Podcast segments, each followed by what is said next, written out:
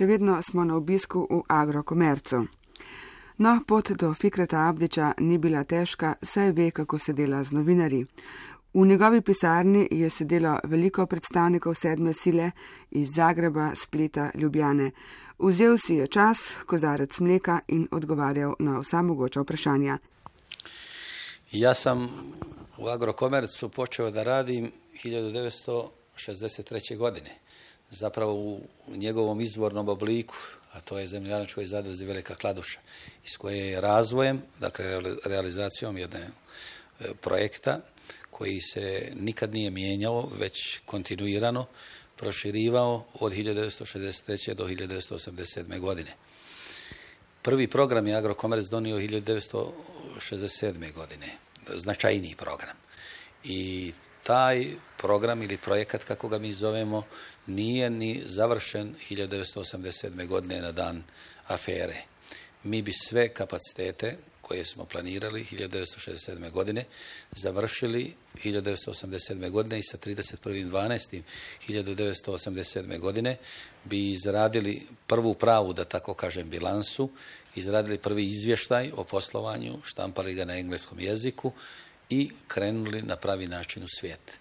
Međutim, presječeni smo sa tom činjenicom što nismo uspjeli dobiti garanciju od Privredne banke Sarajevo udružene banke da mjenični e, kredit pretvorimo u tro, odnosno petogodišnji kredit banaka povjerililaca organizirani u okviru jugoslavenskog tržišta novca i hartija od vrednosti.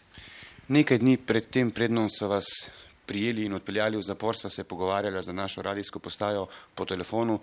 Takrat sem vas vprašal, kaj je z nepokritimi menicami. Rekli ste, to ni so uh, nobene nepokrite menice, to je zajam, tako ste se izrazili. Da. Pa od, oko tih mjenica i o tim mjenicama bolje reći, e, štampa, radio, televizija obavještava jugoslavensku javnost već treću godinu. Mi još danas ne znamo ni broj, ni iznos, ni broj mjenica, niti iznos mjeničnog duga.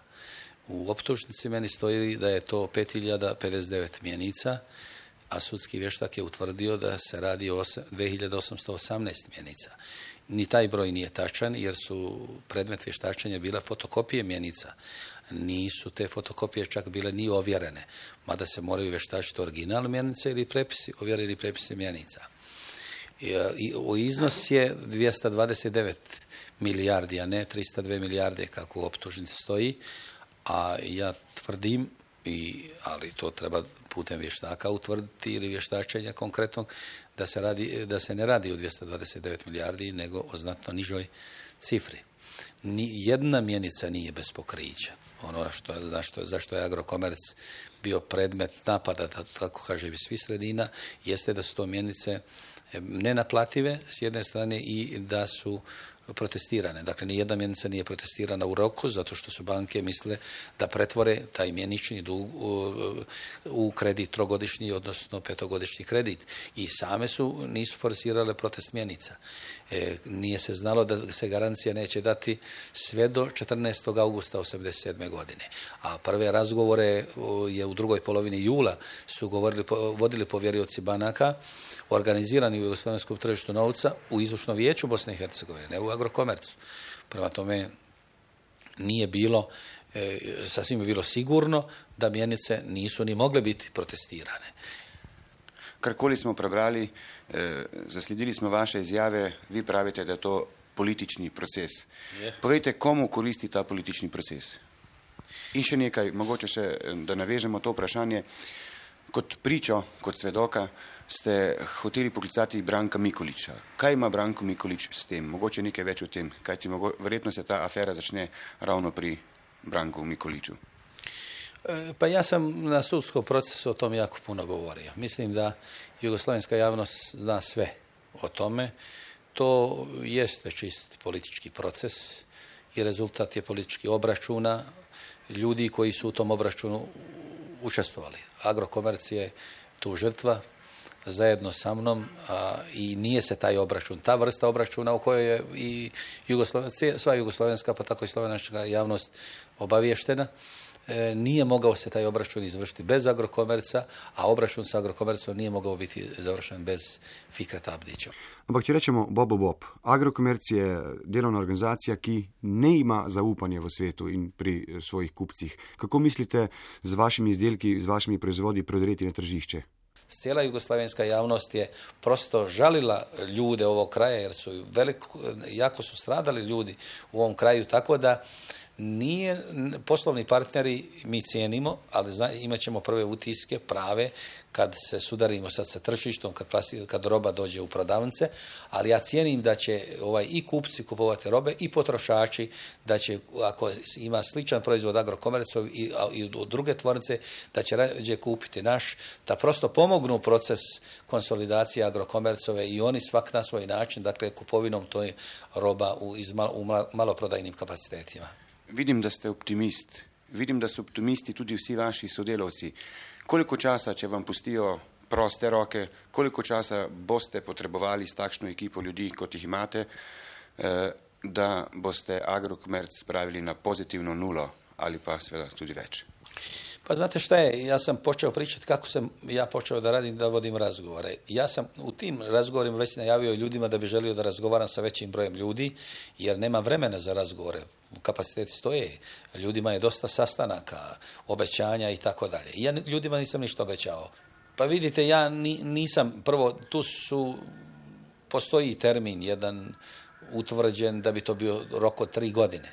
Ja tvrdim da je to ja prevelik rok, da bi agrokomerc krenuo punim kapacitetima. Ja ne bi ovdje davao rok, ali sam uvjeren da ću iznenaditi cijelu jugoslavensku javnost kako će to brzo biti. Pa ovaj početak ovih sedam fabrika o tom govori.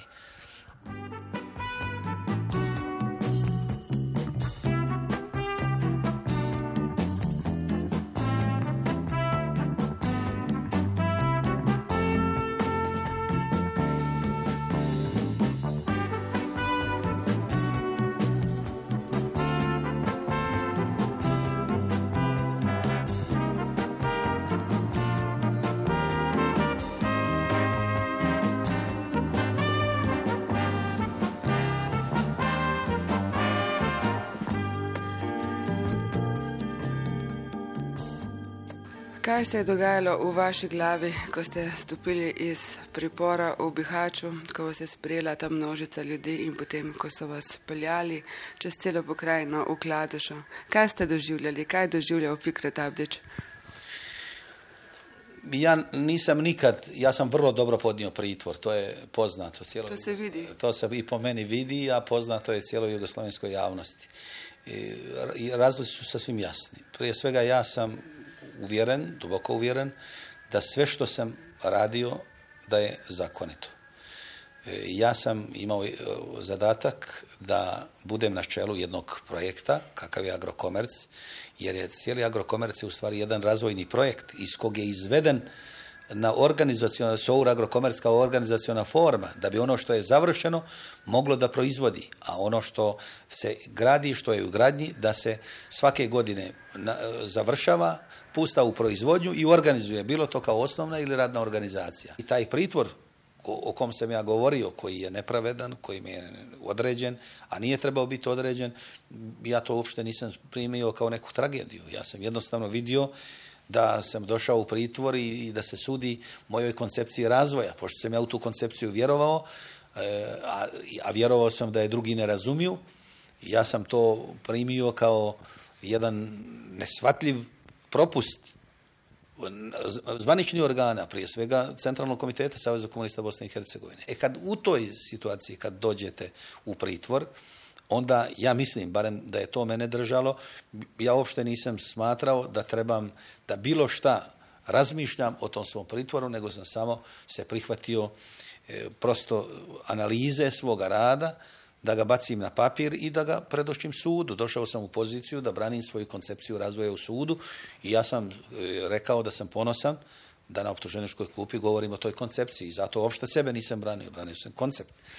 I kad tako čovjek primi pritvor, e, kao što sam ga ja primio, on jednostavno ne može da se posebno raduje ni slobodi, odnosno izlasku iz pritvora. I ja sam e, sasvim normalno primio, dakle, rješenje o pritvoru, a sa svim tako isto normalno primio rješenje o izlasku iz, iz istražnog zatvora iz Bihaća. Međutim, po izlasku iz Bihaća nisam očekivao odmah od e, samog zatvora pa dalje nisam očekivao da će biti takav doček mi priređen, recimo tepisi da prođu, da ja prođem, nisam mogao pomisliti recimo i nikad razmišljao da bi upravo došli pred mene, e, po mene u stvari u zatvor sa mojim Mercedesom, takozvanim bijelim, kojim se se ja uvijek vozio. I očekivao sam ja velik doček u krajini, Sazinskoj krajini. Nisam očekivao taj doček u Bihaću. To moram priznati tako velik. Jer ja sam od istražnog zatvora do pokoja, to je jedno mjesto dosta lijepo. Praktički je spojen i to dio grada, nekad je to bilo selo, a sad je to već grad na cijelom tom prostoru. Ja sam sa kolima išao dva sata i pet minuta, ti pet kilometara. Možete misliti koliko je bilo svijeta, praktički sa Bihać od pionira do staraca i starica je se uselio, na tu, prišao na cestu i jednostavno nije dozvoljavao e, da ja prođem autom, više puta sam morao izlaziti, a, pogotovo lagano voziti i sve ljude pozdraviti. Tako da sam to primio, nisam se ni tada posebno oduševio, to moram priznati, jer sam čovjek koji niti e, nešto kad se deši teško, to primam teško srcu, niti se posebno ovaj, radujem. No, kot vidim, vi dejansko živite z agrokomercem, agrokomerc vam pomeni vse. Povejte mi čisto takole, kako ste se kot človek počutili, ko ste prišli pogledati tisto, kar je od agrokomerca sploh še ostalo? Pa, susret sa agrokomercom, moj, po izlasku iz pritvora, bio je daleko teži, deset puta teži od susreta sa zatvorom. Kad sam lišen slobode. Jer znate šta je, kada čovjek radi cijeli život ovaj, i stvara kapacitete ove o kojima sam govorio, a to se ogroman broj tvornica, agrokomerc treba vidjeti, treba ga snimiti. Velika je greška i mislim da bi sredstva informisanja sva, pa i vi, trebali da obiđete cijeli agrokomerc, a naročito televizija da prikaže i slike da se vidi. To su moderne tvornice, to su najmodernije fabrike i farme u svijetu danas. I to su ogromni kapaciteti. Recimo, to je 500 objekata samo peradarski po 1200 kvadratnih metara građevinskog prostora. I kad sad vidite vi šta se desilo sa tim kapacitetima, onda je to jako, jako teško. Tisti, ki vas poznajo, pravijo, da ste medicinski fenomen. Da spite tri ure dnevno, da ste to počeli tudi pred afero, potem v zaporu, boje ste samo pisali, analizirali, ne spite, ne hodite v kavarne, ne hodite na obiske, na sprehode. Kaj Fikret Abdič samo čita, razmišlja, piše. Kaj je z vami? Kakšen človek ste? E, pa vidite, evo sad je šest sati, sad će šest sati, ja neću ovdje završiti sa novinarima pre sedam sati i odlazim u fabriku, vjerovatno pre ponoći neću kući. Ja sam tako navikao i moja je supruga navikla, pa vidite i ona svaki dan za dve godine dolazi u Bihać, jer ja se nisam hranio u zatvoru, ona mi je nosila hranu, poznati su ti razlozi, ja sam govorio zbog čega ne. Prema tome sva moja porodica živi život agrokomerca, tako su oni navikli a s jedne strane. S druge strane, mi da nismo tako živjeli, ne bi imali ovakav odnos ljudi ovog kraja prema sebi. Kako bi ja imam 18.000 i 850 dinara starih dinara, lični dohodaka, imam četvero djece i ženu, sve su to studenti i tako dalje. Da nije bilo radnika agrokomerca koji su imali minimalne plate i naših radnika koji rade vani, ja ne bi mogao ekonomski bi bio uništen u toku ovih 26 mjeseci.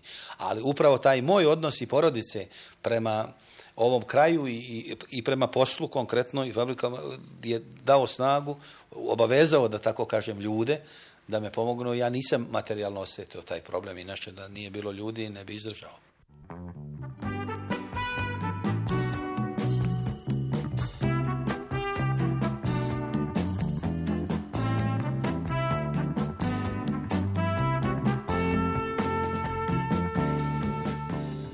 Ob koncu pogovora, ko sva s kolegom pospravila magnetofon, je povedal, da so ga povabili tudi na mladinski kongres, ki se danes pričenja v Portorožu.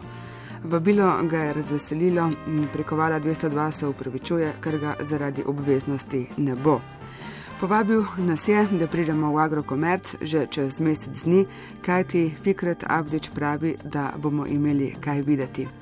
No, pri njem na obisku pa so bila Marjan Jarman in Helena Promoroslejko.